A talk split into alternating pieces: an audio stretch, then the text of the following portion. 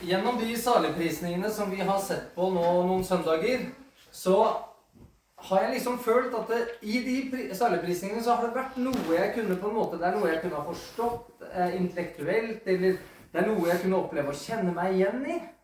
Eh, og så var det mål jeg på en måte kunne strekke meg etter.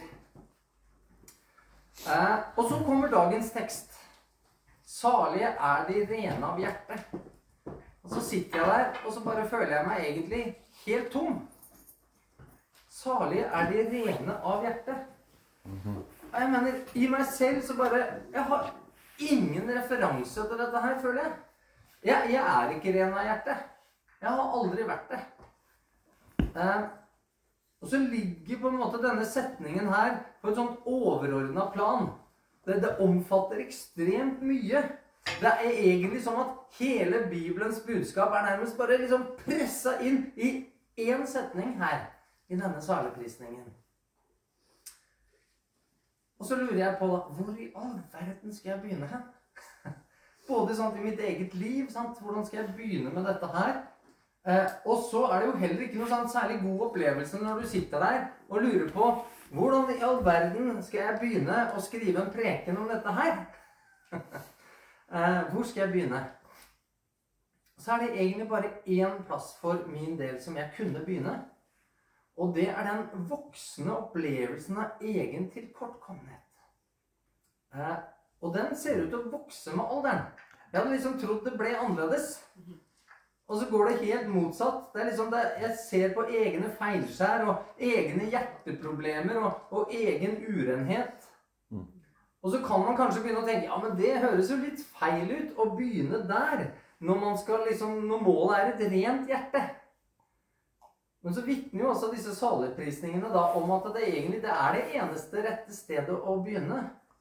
Eh, alt dette gir altså et ønske om å å finne fred, finne hvile, få en bekreftelse, slippe strid. De der følelsene. Og så er nok ikke jeg alene om å på en måte kjenne at å, jeg ønsker mer og mer det, å få slippe det der greiene der. Jeg ønsker å finne denne freden, finne denne hvilen, få en bekreftelse osv. Det er en, en lengsel som, som skapes i denne tilkortkommenheten som jeg opplever å vokse i, på en måte. Og sånn var det jo ikke altså bare med meg. fordi at når vi ser på Bibelen, så var det sånn på Jesus sin tid også. Eh, og det tror jeg er mye av grunnen til at eh, folk bare strømma ut i villmarken for å møte en som het Johannes døperen. Eh, og man kan lure seg på hvorfor i all verden gjorde man det. Og Jesus han stiller et sånt spørsmål, litt sånn retorisk, da, men han, han stiller hva, hva gikk dere ut i ørkenen for å se? Sånn? Altså, hva, hva, hvorfor gidder du å gå ut dit? Og så, og så, begynner han å spørre hva var det for å se på det sivet langs, langs liksom bredden av Jordan der som står og vaier i vinden? Eller var det for å finne en mann i fine klær? Jesus setter sånne, sånne spørsmål som selvsagt er veldig åpenbare. Sant? For folk valfarta jo åpenbart ikke ut i ørkenen fra sine gode hjem og sånn, og brukte masse tid, kanskje en hel dag, kanskje to dager, for å se på et siv som sto der og vaia i vinden. Sant? Det er liksom åpenbart. Og Johannes han blir beskrevet som en fyr som gikk rundt der i omtrent det mest ekle jeg kunne tenke meg å gå i. som skikkelig harde, stikkende kamelhår, liksom. En frakk i det. Ja, nå vet jeg ikke om han hadde noe litt mer behagelig under, men hvis du hadde det rett på kroppen, så ja, La oss si det krever litt tilvenning, om ikke, om ikke annet. Så det var altså ikke for noen motoppvisning at folk gikk der ut i ørkenen. Nei, folket valfarta altså ut der fordi gjennom Johannes sin dåp så opplevde man altså mulighet for tilgivelse for synd. Det, det fantes en opplevelse av renselse fra den urenhet som da åpenbart folk gikk og følte på. Og så levde disse menneskene sant, i et veldig lovisk samfunn som stilte krav til livet. Som de ikke opplevde at de hadde mulighet til å oppfylle. Og så var det dette menneskelig utvendige krav. Og vi har jo sånne i vår tid òg. Det er ikke noe nytt. Det er bare at nå kommer det gjerne fra, også fra ikke-religiøst hold en god del krav da, om hvordan du skal være osv. Men i hvert fall, disse kravene var jo f.eks. på den tida at du, du måtte stadig vekk rense deg. Du måtte ofre. Du måtte gi tiende av alt mulig. sant? Altså, Jesus påpeker det, hvordan de var flinke til å gi liksom, tiende av myntebladene som de hadde samla seg. altså sånne Helt ned i detalj her. sant? Eh, og så var det De skulle jo ikke arbeide stadig vekk. og ja, altså, Til og med på sabbaten så var det liksom, du måtte omtrent telle skrittene dine. sant? For hvis du gikk et skritt for mye, så hadde du jo brutt disse kravene. da. Og det var jo bare, det bare balla på seg. sant? Det var enormt mange sånne. Og det som vi skal legge litt merke til med disse kravene, da, det er at det, det var krav som var veldig lett for andre å se om du fulgte eller ikke. Det, det, gjorde at noen lett kunne føle seg bedre enn andre. Eh, og det gjorde det lett å lage et sånt åndelig rangeringssystem. Et sånt åndelig hierarki som gjorde at jeg var litt bedre enn deg. Fordi jeg gjorde sånn og sånn, og det klarte ikke du. Og så gjorde det veldig lett å begynne å sammenligne seg med andre. Og det var jo akkurat det de gjorde. Sånn. Fariseeren ba Å, takk Gud for at jeg ikke er som andre mennesker! Sånn som han tolleren der. Og det er klart at det, Dersom sammenligning med andre mennesker blir standarden for å definere et rent hjerte, og alle begynner å sammenligne seg med noen som er litt dårligere, så skjønner alle at det er til sjuende og sist da den aller minst moralske mennesket i hele verden, det aller verste av de verste, som blir standarden. Det er det som blir standarden. Du kan ikke feile i et sånt system, strengt tatt. Eh, og så forstår vi likevel at det går jo ikke. Alle skjønner det. Det, det funker jo ikke. Og, derfor så gir det heller ingen hjelp til den uroen som vi kan kjenne inni oss som de åpenbart kjente på. Kravene som jødene hadde laget, var enklere også å følge for de som var godt utrusta fra naturen sin side. Det var lettere å oppfylle dersom man var rik, enn om man var fattig. Det var lettere hvis du var mer intelligent på en måte enn hvis du ikke var det. De var designa på den måten. Og det er klart det at I et slikt samfunn som dette var, så bidro det med at dette systemet skapte en form for håpløshet hos veldig mange mennesker. Og så skapte det en form for overfladisk overlegenhet hos noen få. Og de som kjente på denne håpløsheten, de strømma ut der, og så lot de seg døpe av Johannes. Og de som opplevde å komme ganske godt ut av dette systemet her, de, de følte at dette fikk de til. De kom ut, de òg. Og så kan du lure på hvorfor kom de ut. Jo, jeg tror det var fordi at de faktisk også følte på denne indre uroen. Så de kom altså for å høre på Johannes sin forkynnelse. Men så skjer dette som Lukas skriver om i kapittel 7, der han skriver Og hele folket som hørte ham, også tollerne, altså de verste av de verste, kan vi oversette det sånn, de ga Gud rett. De ga Gud rett. Og så lot de seg døpe med Johannes sin dåp. Men fariseerne og de lovlærde, som også åpenbart var der, for det leser vi om også, gjorde Guds råd til intet for seg og lot seg ikke døpe av ham. Og så kan vi tenke ah, mm. ah Så dumme de var, liksom. sant? Altså, ah, sant? Men dette er jo helt innlysende menneskelig sett. For de kunne jo ikke la seg døpe uten at det samtidig signaliserte at systemet ikke virka. For det var helt motstridende ting. Mm. Et, en offentlig dåp var jo en erkjennelse av at jeg var en synder. Jeg klarte det ikke selv. Eh, men det var jo akkurat det de satte sin ære i at de ikke var. De var ikke syndere. De trengte ikke til dette. Så lot de seg døpe, så ville de altså avsløre at de også kjente på urenhet og uro i møte med en hellig Gud. Så det var helt logisk, det at de ikke lot seg døpe. Og Derfor så er det jo også at Israels fremste lærer, Nikodemus, selveste, han kommer til Jesus om natten. Han måtte det. For dersom det ble kjent offentlig at han søkte Jesus, så ville jo det avsløre at selv han kjente på uro og, og urenhet inni seg selv. Mm. Og han, han, han visste jo ikke engang hvordan han skulle løse denne uroen. Hvordan kunne dette fikses? Så Nikodemus kjente på det da, som så uendelig mange mennesker kjenner på og lurer på. Det var det Nikodemus gikk og lurte på, sånn som veldig mange andre.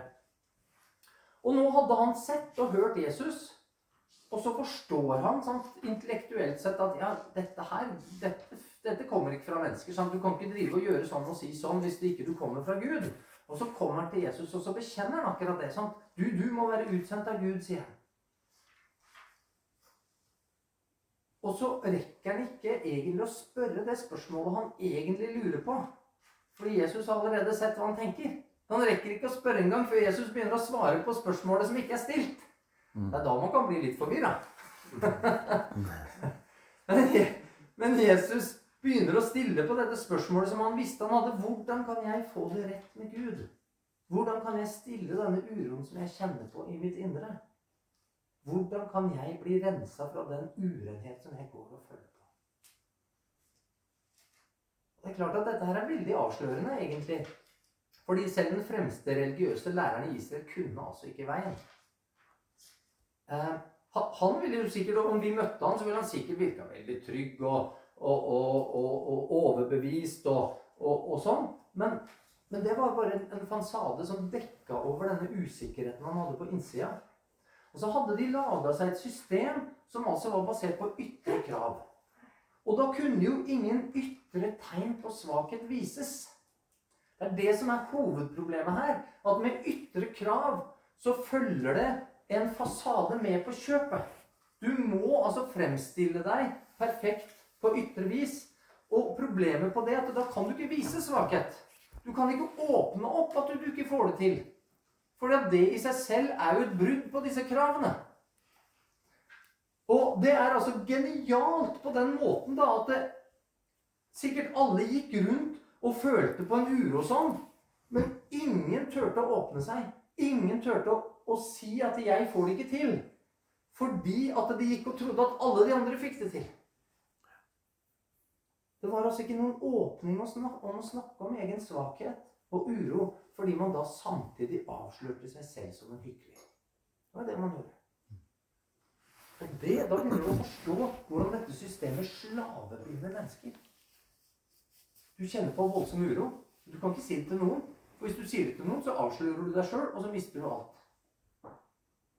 Fryktelig tilværelse egentlig å være i. Og Naturlig nok så måtte jo heller ingen få vite at Nikodemus hadde jo ikke peiling. Ingen av oss liker å bli avslørt sånn. Hvis du står der som lærer, sant, og en elev stiller deg et spørsmål som fullstendig liksom blåser deg av banen, som bare viser at du har ikke peiling på hva du står og snakker om, det er ikke noe særlig hyggelig.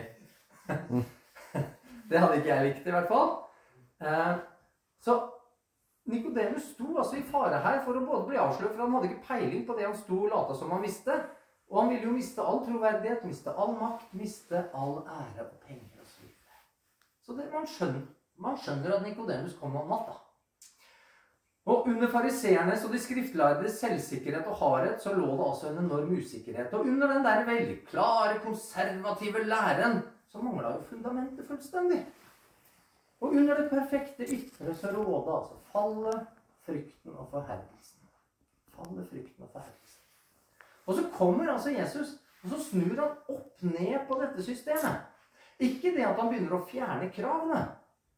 Nei, han gjorde jo faktisk kravene mer krevende. Og det er jo egentlig veldig rart når ingen får det til i utgangspunktet, og alle syns at dette er kjempeproblem. Det er derfor de føler på så uro i, i sitt indre. Og den får det jo ikke til. Og så kommer Jesus og bare gjør kravene enda mer krevende. Og ikke bare krevende, selvsagt. Han gjorde det jo komplett umulig. Det er det som er. Og det er jo derfor nettopp jeg kan føle på fullstendig tomhet i møte med dagens tekst. Det er helt umulig. Og den store endringen som Jesus kommer med, var at han begynte å endre kravene. Ikke fjerne kravene, men han endra kravene for å i hovedsak handle om dette ytre til å begynne å handle om det indre. Om hjertet. Og Det som er så genialt med denne måten som Jesus gjør dette på, det er at dette er krav som avslører alle mennesker. For de ytre kravene kunne du til dels glatte til, sånn at ingen så at du ikke egentlig holdt, holdt deg til dem. Men disse kravene Jesus kom med, de avslører alle mennesker. Alle som er ærlige med seg selv, er nødt til å innrømme at dette er sant. disse kravene handler om sannhet. Og det er krav som gjør at alle forstår at ingen andre heller klarer å følge dem. Det er jo det som er så genialt med disse kravene. Fordi at Jesu lære umuliggjør religiøst hykleri. Fordi enhver vil forstå at du er en hykler hvis jeg går ut og sier ja, dette får jeg til. Ja, det gjør du ikke. Sant? Du, du trenger ikke å være smart i det hele tatt. Trenger ikke å være rik, trenger ikke å være flink. Alle forstår at han der lyver. Sant? Jesus umuliggjør religiøst hykleri. Og den som likevel vil forsøke da, på seg på en religiøs form for hykleri, den vil bli avslørt dersom Jesu lære blir forkynt. Garantert avslørt hvis Jesu lære blir undervist. Og Jesus gjør det altså umulig å late som at man kan frelse seg selv. Han sprenger dermed alle menneskelige religiøse systemer. Og så er det altså mange som kan snakke vel om Jesus, men hans lære blir aldri populær. Nettopp pga. dette. Så Man kan snakke vel om Jesus. Mange gjør det. Mange falske religiøse systemer snakker veldig vel om Jesus. Men idet du begynner å dra fram Jesus sin lære, da får pipa raskt en annen lyd. Jesus fremsetter altså krav som gjør at alle mennesker stiller likt plutselig. Det er rettferdige krav på den måten. Og det hjelper slett da ikke å ha høyere intelligens eller sterkere fysikk eller mer penger, sånn som det egentlig var i det gamle systemet. Og disse Guds krav de burde egentlig være kjent for jødene, fordi at Gud hadde stilt krav til hjertet lenge før dette, når Jesus kommer. Vi kan f.eks. se på det i Salme 51, vers 8. Der står det Se, du har lyst til sannhet i det innerste av hjertet. Det er det Gud har sin lyst til. Og Jesus' saligprisning i dag det er som en konsentrert versjon, eller egentlig en oppsummering av Salme 24, vers 1-5. Det er en salme av David når han skriver Jorden hører Herren til, og alt det som fyller den. Verden og de som bor der. Jeg kan vente for dere som vil slå opp. Salme 24, vers 1-5. Altså, jorden hører Herren til, og alt det som fyller den. Verden og de som bor der. For han har grunnlagt den på hav og stilt den fast på strømmer. Hvem kan stige opp på Herrens berg? Hvem skal stå på Hans hellige sted? Jo, svaret er den som har skyldfrie hender og et rent hjerte som ikke har vendt sin hud til løgn og ikke sverger falskt. Han får velsignelse fra Herren og rettferdighet fra sin frelses Gud. Hvor kommer frelsen fra her i Gamle Testamentet? Kommer den fra ytre krav? Nei, den kommer fra frelsens Gud. Evangeliet har vært forkynt hele tida, det. Hvem skal stige opp på Herrens berg? Den som har et rent hjerte. De visste dette, jødene. Nå har jeg nettopp undervist da om urhistorien i Spania en uke. Og da syns jeg det er litt festlig også, Festlig? Det er ikke festlig i det hele tatt, egentlig, men det er i hvert fall interessant å se hvordan menneskets hjerte var i riktig gamle dager. I tiden etter skapelsen. Hvordan var hjertet til mennesket da? Jo, det leser vi om i Første Mosebok, i kapittel 6, vers 5 og utover.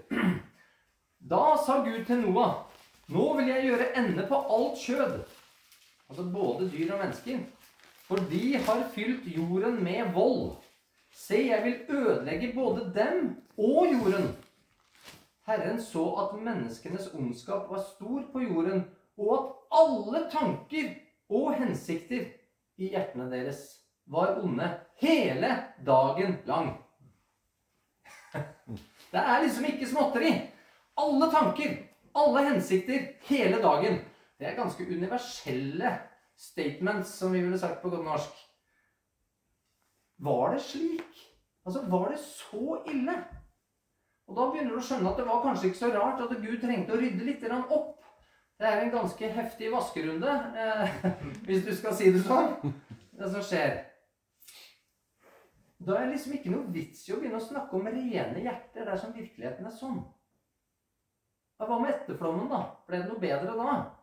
Det kan vi lese om i første Mosebok 8, vers 21. Herren sa i sitt hjerte jeg, altså Herren sa i sitt hjerte og det bare, altså Hjertet, det er viktige greier. bare legge merke til sånne småting som det. Vi leser fort over det kanskje, men når du begynner å tenke på hva han egentlig sier, eller hvor sier han det, osv. Jeg vil aldri mer forbanne jorden for menneskers skyld, for menneskehjertets tanker er onde fra ungdommen av. Jeg vil aldri mer drepe alt levende, slik jeg nå har gjort. Ok, det er ingen eh, spor av forbedring her etter flommen. Hva med 1800 år seinere, da? Har menneskene nå fått litt tid til å utvikle seg nok?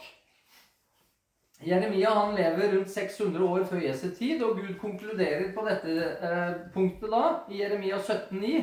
Svikefullt er hjertet, mer enn noe annet. Ubotelig sykt! Ubotelig sykt er det. Hvem kjenner det? Ja, jeg må bare innrømme, folkens, dette ser ikke veldig lovende ut. Det gjør ikke det. Og kanskje er det altså grunnen for at det drøyde en del før Jesus kom til jord. Altså, jeg mener, Mennesket trengte jo mer tid. Vi måtte utvikles videre, vi måtte få større kunnskap, vi måtte ha mer åpenbaring. Og kanskje det kan hjelpe mennesker da, til å tenke rett og, og, og, ta rette valg. Og så tenker du kanskje nå at det høres ut som et forholdsvis dumt eh, spørsmål ut ifra det jeg har prøvd å peke litt på allerede. Men det er jo faktisk slik da, venner, at hele den vestlige verden er faktisk preget av premisser som forventer det er et ja til det spørsmålet. Hele vår virkelighet er faktisk styrt etter at ja, vi trenger bare litt mer tid. Vi trenger bare litt mer kunnskap. For hele humanismen og sosialismen som, som styrer vårt samfunn, den hviler i troen på at mennesket er godt på bånd. Og gitt nok tid, kunnskap og innsikt, så vil mennesket begynne å ta rette valg og få de rette holdningene. Og bare man avskaffer gamle vrangforestillinger og overtro, så vil alt forandres. Hvis du har lurt på hvorfor er det slik at mennesker på venstresida politisk f.eks. er villig til å fullstendig ødelegge et samfunn For det virker veldig rart. Jo, men det er fordi dette er tilfellet. De vet, mener, at hvis vi får bort alt det falske, hvis vi, hvis vi, ødelegger alt som har skapt alle de problemene vi opplever å ha, og bare begynner å gi mennesker riktig kunnskap, så vil vi få utopia. Og Da er du villig til å gå over lik, du er villig til å brenne ned sivilisasjonen du lever i, for å nå dette. Så det, dette er logisk. Og så tenker disse folk at det, det folk, folk trenger ikke noe moralpreken, de trenger ikke noe pekefinger. Nei, de trenger bare mer kunnskap. Man trenger ikke et moralsk folk, bare nok undervisning. Hele vår sivilisasjon er faktisk nå i moderne tid basert på dette. Men blir hjertet bedre av mer menneskelig kunnskap?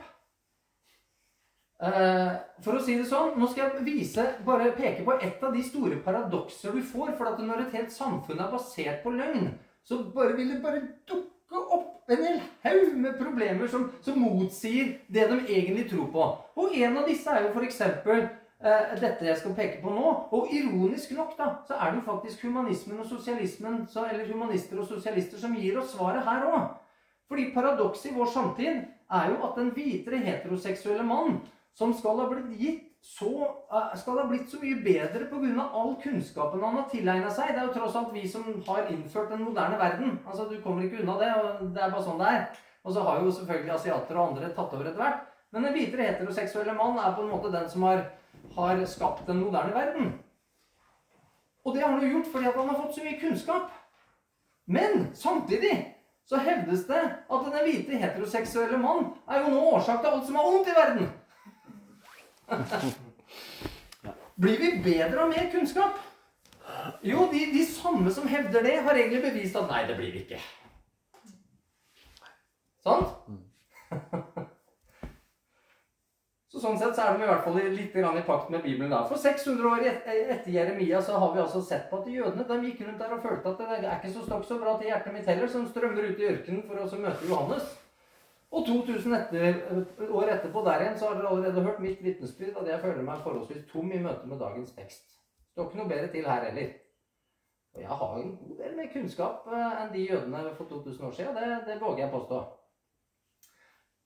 menneskets problem er knytta til hjertet. Vi trenger en hjertetransplantasjon, hver og en av oss. Og, og, det vil jo bringe med seg noe helt nytt. Og, og det veldig fascinerende, syns jeg, det er at det faktisk skjer med mennesker som har fått en fysisk hjertetransplantasjon også. Ganske mange som har opplevd det, har kjent på at plutselig så har de begynt å like mat de aldri likte før. Og de har begynt å få drømmer og, og, og hukommelse over ting de aldri har, har, opplevd i livet. Og en del av de er jo blitt så forvetne, som kona ville sagt, eller derfra, men de har blitt så nysgjerrige på dette her at de har jo satt himmel og hav i omtrent i bevegelse for å prøve å finne ut hvem er denne donoren. Og så har de funnet ut at å ja, det var, han, det var, det beste han visste, den maten jeg aldri likte, men som jeg nå liker. Og, og, og han opplevde noe traumatisk som jeg nå driver og drømmer om. Det er ganske sprøtt. Det er menneske, det er, dette er viten, medisinsk vitenskapelig skrevet en del eh, ting om.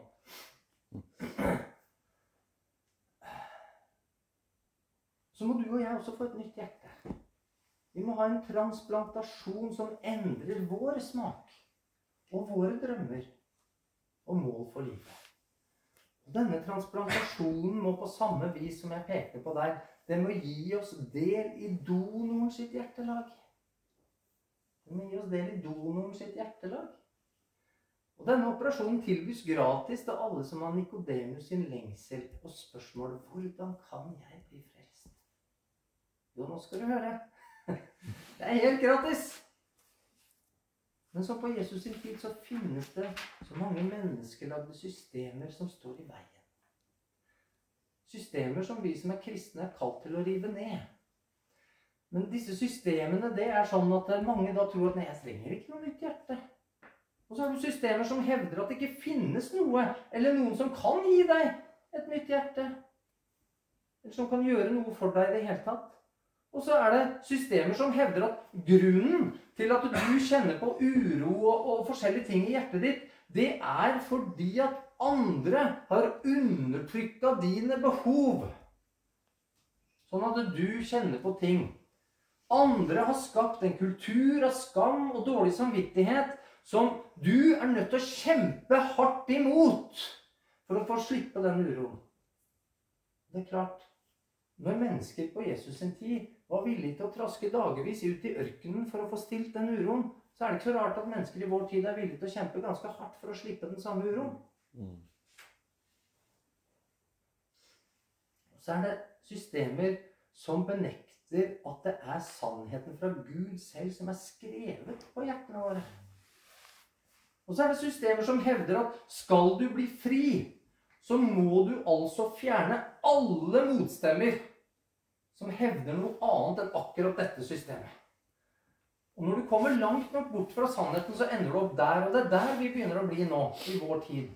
Hvor vi begynner å se en innskrenkning av den frihet som bare Jesu Kristi evangeliet kan gi, nemlig f.eks. også tale- og trosfrihet. Og Slike system gjør at det ofte blir virkelig mørkt i et menneskes liv. Og det må derfor ofte bli mørkt for at de skal kunne søke Jesus. Det må rett og slett være ordentlig natta, sånn som det var for Nikodemus. Ta vare på hjertet framfor alt du bevarer. Fordi selve livet utgår fra det, sier Guds ord. Men jeg har nettopp stått her og pekt på at hjertet det er ubotelig sykt. I all verden er det noe vits å ta vare på det? Det er et ganske godt spørsmål. Og om du har fått et nytt hjerte, så burde vel alt være i orden? Eller kan det være at det er det hjertet du må ta vare på? En pasient som har fått et nytt hjerte, lever jo ikke evig. Han må passe seg som før i forhold til mat og trening, og en dag vil selv den med nytt hjerte dø. Og Nå finnes det forskjellige teologiske tanker rundt akkurat dette, men jeg tror at dersom Gud har gitt deg et nytt hjerte, så må du ta vare på det. Mm. Og Det skal ikke jeg bare slenge ut der sånn uten videre. Jeg vil prøve å grunngi det fra Skriften. I første Samuels bok så leser vi om Saul. Han hadde masse gode ytre kvaliteter som jeg godt kunne ønske meg også. Han var jo høy og mørk og sterk og modig og sånn. Det er fint. Han var, han var pen. Visstnok. Og Samuel han kommer, og så salver han Saul til konge, og så sier, eh, sier Samuel da Deretter kommer du til Guds Gibea, hvor filistrene har vaktpostene sine. Når du kommer dit til byen, skal du treffe på en flokk profeter som kommer ned fra haugen med harpe, tamburin og fløyte og sitar foran seg, og de profeterer. Og Herrens ånd skal komme over deg. Så du skal profetere sammen med dem og bli til et annet menneske. Når du ser at disse tegn inntreffer, da skal du gjøre det som ligger deg for hånden, for Gud er med deg. Guds ånd skulle komme over seg. Han ville profetere. Han skulle bli et annet menneske enn han hadde vært før, fordi Gud var med ham. Og hvordan kunne dette skje? Var det fordi at Saul sitt hjerte var annerledes enn vårt? I vers 9 så får vi svaret.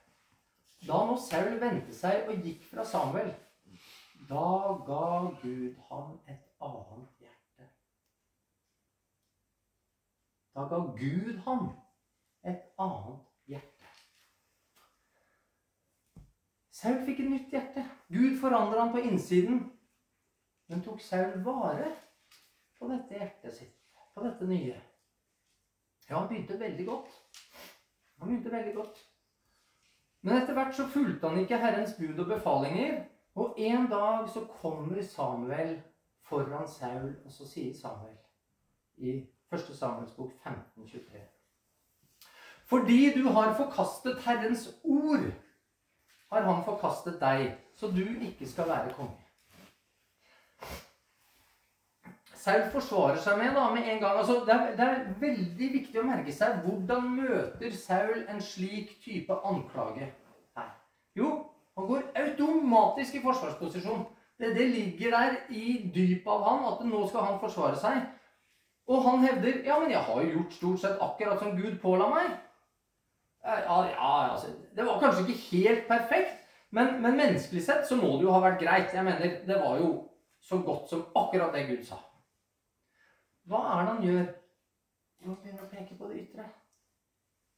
Jeg gjorde sånn, jeg gjorde sånn, jeg gjorde sånn.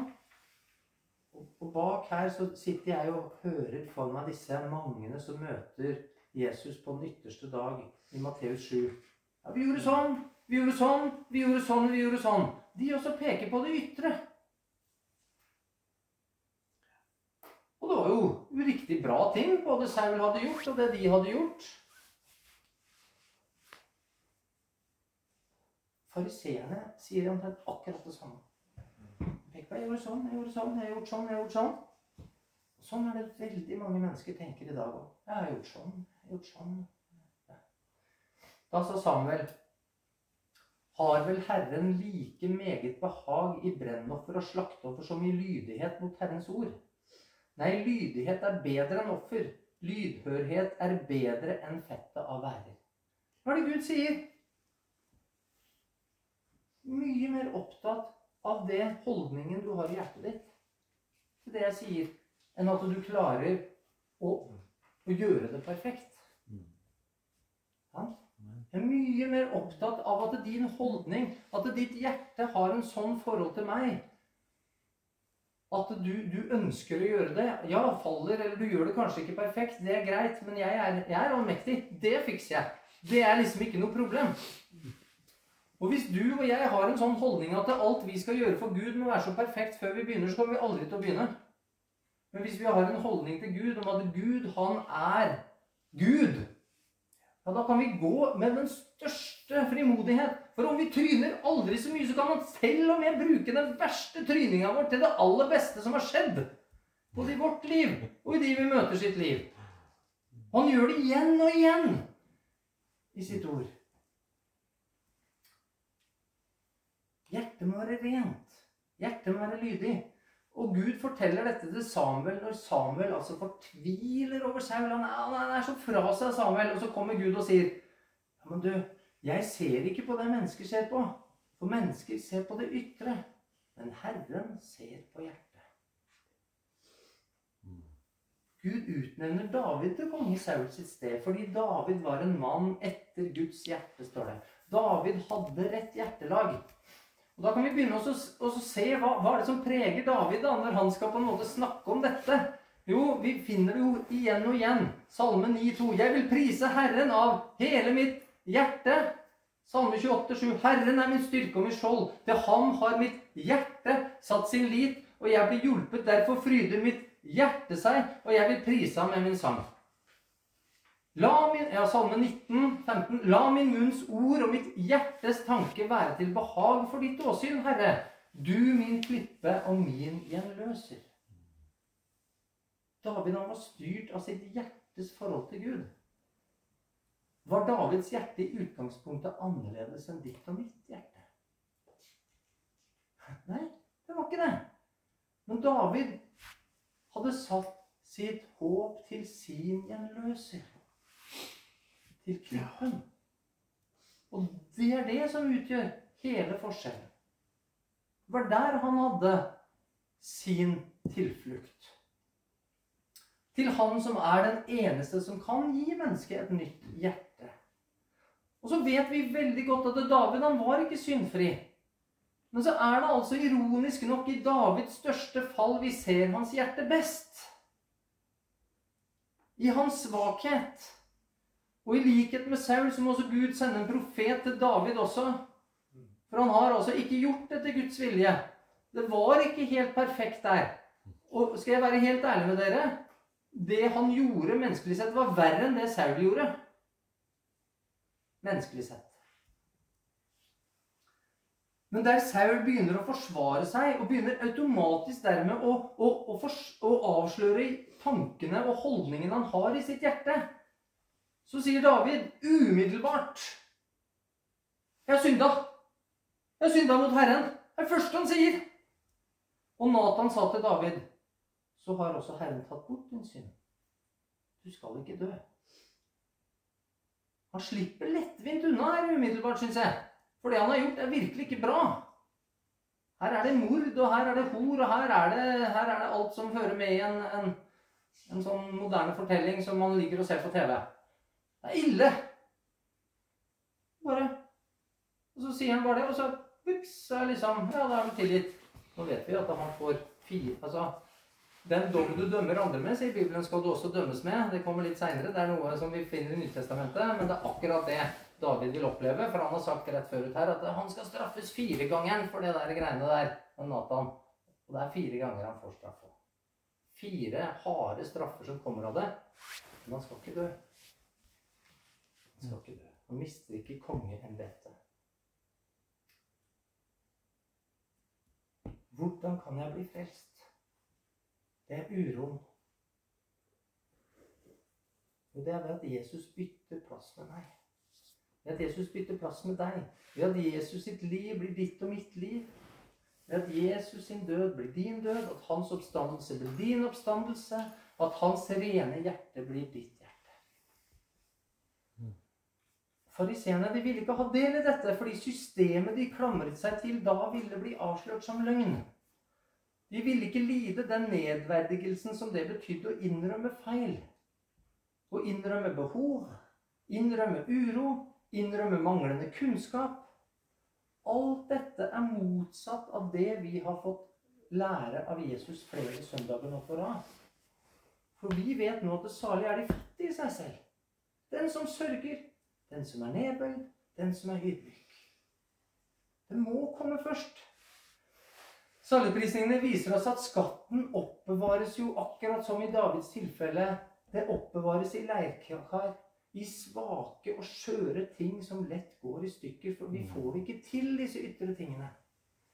Og så er det jo nettopp på grunn av at vi er der i disse saligprisningene, fordi vi har innsett dette, og fordi vi dermed tør å være sårbare, være svake, vise feil, innrømme våre nederlag. Det er jo da skatten får lov til å skinne. Og så er det gjennom det du får vise et rent hjerte. Det er jo helt ulogisk, egentlig. Det er gjennom alt det som ikke er rent. Gjennom alt det som ikke er bra. Det er gjennom det du får vise at du har et rent hjerte. Det er da du får lov til å være lys. Det er da du får være salt. Og så får du lov til å møte mennesker som også føler seg tomme i seg selv. At her er noe som kan fylle også deg.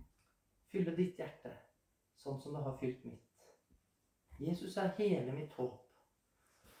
Så er det så mye bedre at denne innrømmelsen Om den skjer på natta, når alt er mørkt, det er noe bedre at det skjer da enn at det aldri skjer. Og Derfor så, så bare Det må ikke være noen menneskelige systemer i ditt liv som hindrer deg fra å komme. Du, du må ikke la synden i deg forherde ditt hjerte slik at denne lengselen dør. Slik at denne uroen i deg blir fylt med så mye rart at den aldri får lov til å bli vokse slik at du gjør noe med det. Fordi at du døyver den så mye med alt mulig annet. Det det rene hjertet det bor i et uverdig kar. Men det er altså kun i et uverdig kar det kan bli synlig for andre. så er det altså den som har et rent hjerte, som blir lykkelig. Jo, for som David så skal du ikke dø. Du skal leve. Så skal du få se Herren.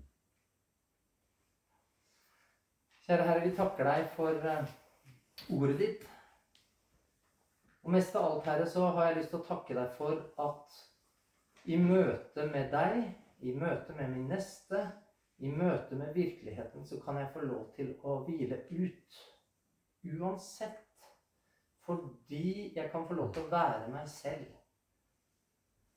Jeg kan få lov til å ikke slippe å late som at jeg er perfekt, og at jeg får til alt, og at disse ytre tingene fungerer så bra for meg. Og så kan jeg få vite, selv om jeg ikke har lyst til å gjøre feil her, at selv de gangene jeg snubler, så kan du bruke det også til tjeneste for deg for at andre kan få lov til å se din godhet. For hvis du er god nok til å reise opp og holde oppe en svak en som meg, så kan du jo også være det for en annen, tenker vi. Herre, dermed så ber jeg deg om at vi må få lov til å være ærlige med livet våre. Og det fordrer, Herre, at vi må få kunne være ærlige med hverandre her i dette fellesskapet. Og hvis vi ikke klarer det her, hvordan skal vi da klare det noe annet plass? Herre, vi ber om at eh, kjærligheten mellom oss kan få lov til å dekke en mengde synder. Vi ber om at eh, vi kunne få lov til å søke tilflukt til deg som er vår gjenløser og klippe. Kun du som kan gi oss et rent hjerte. Amen.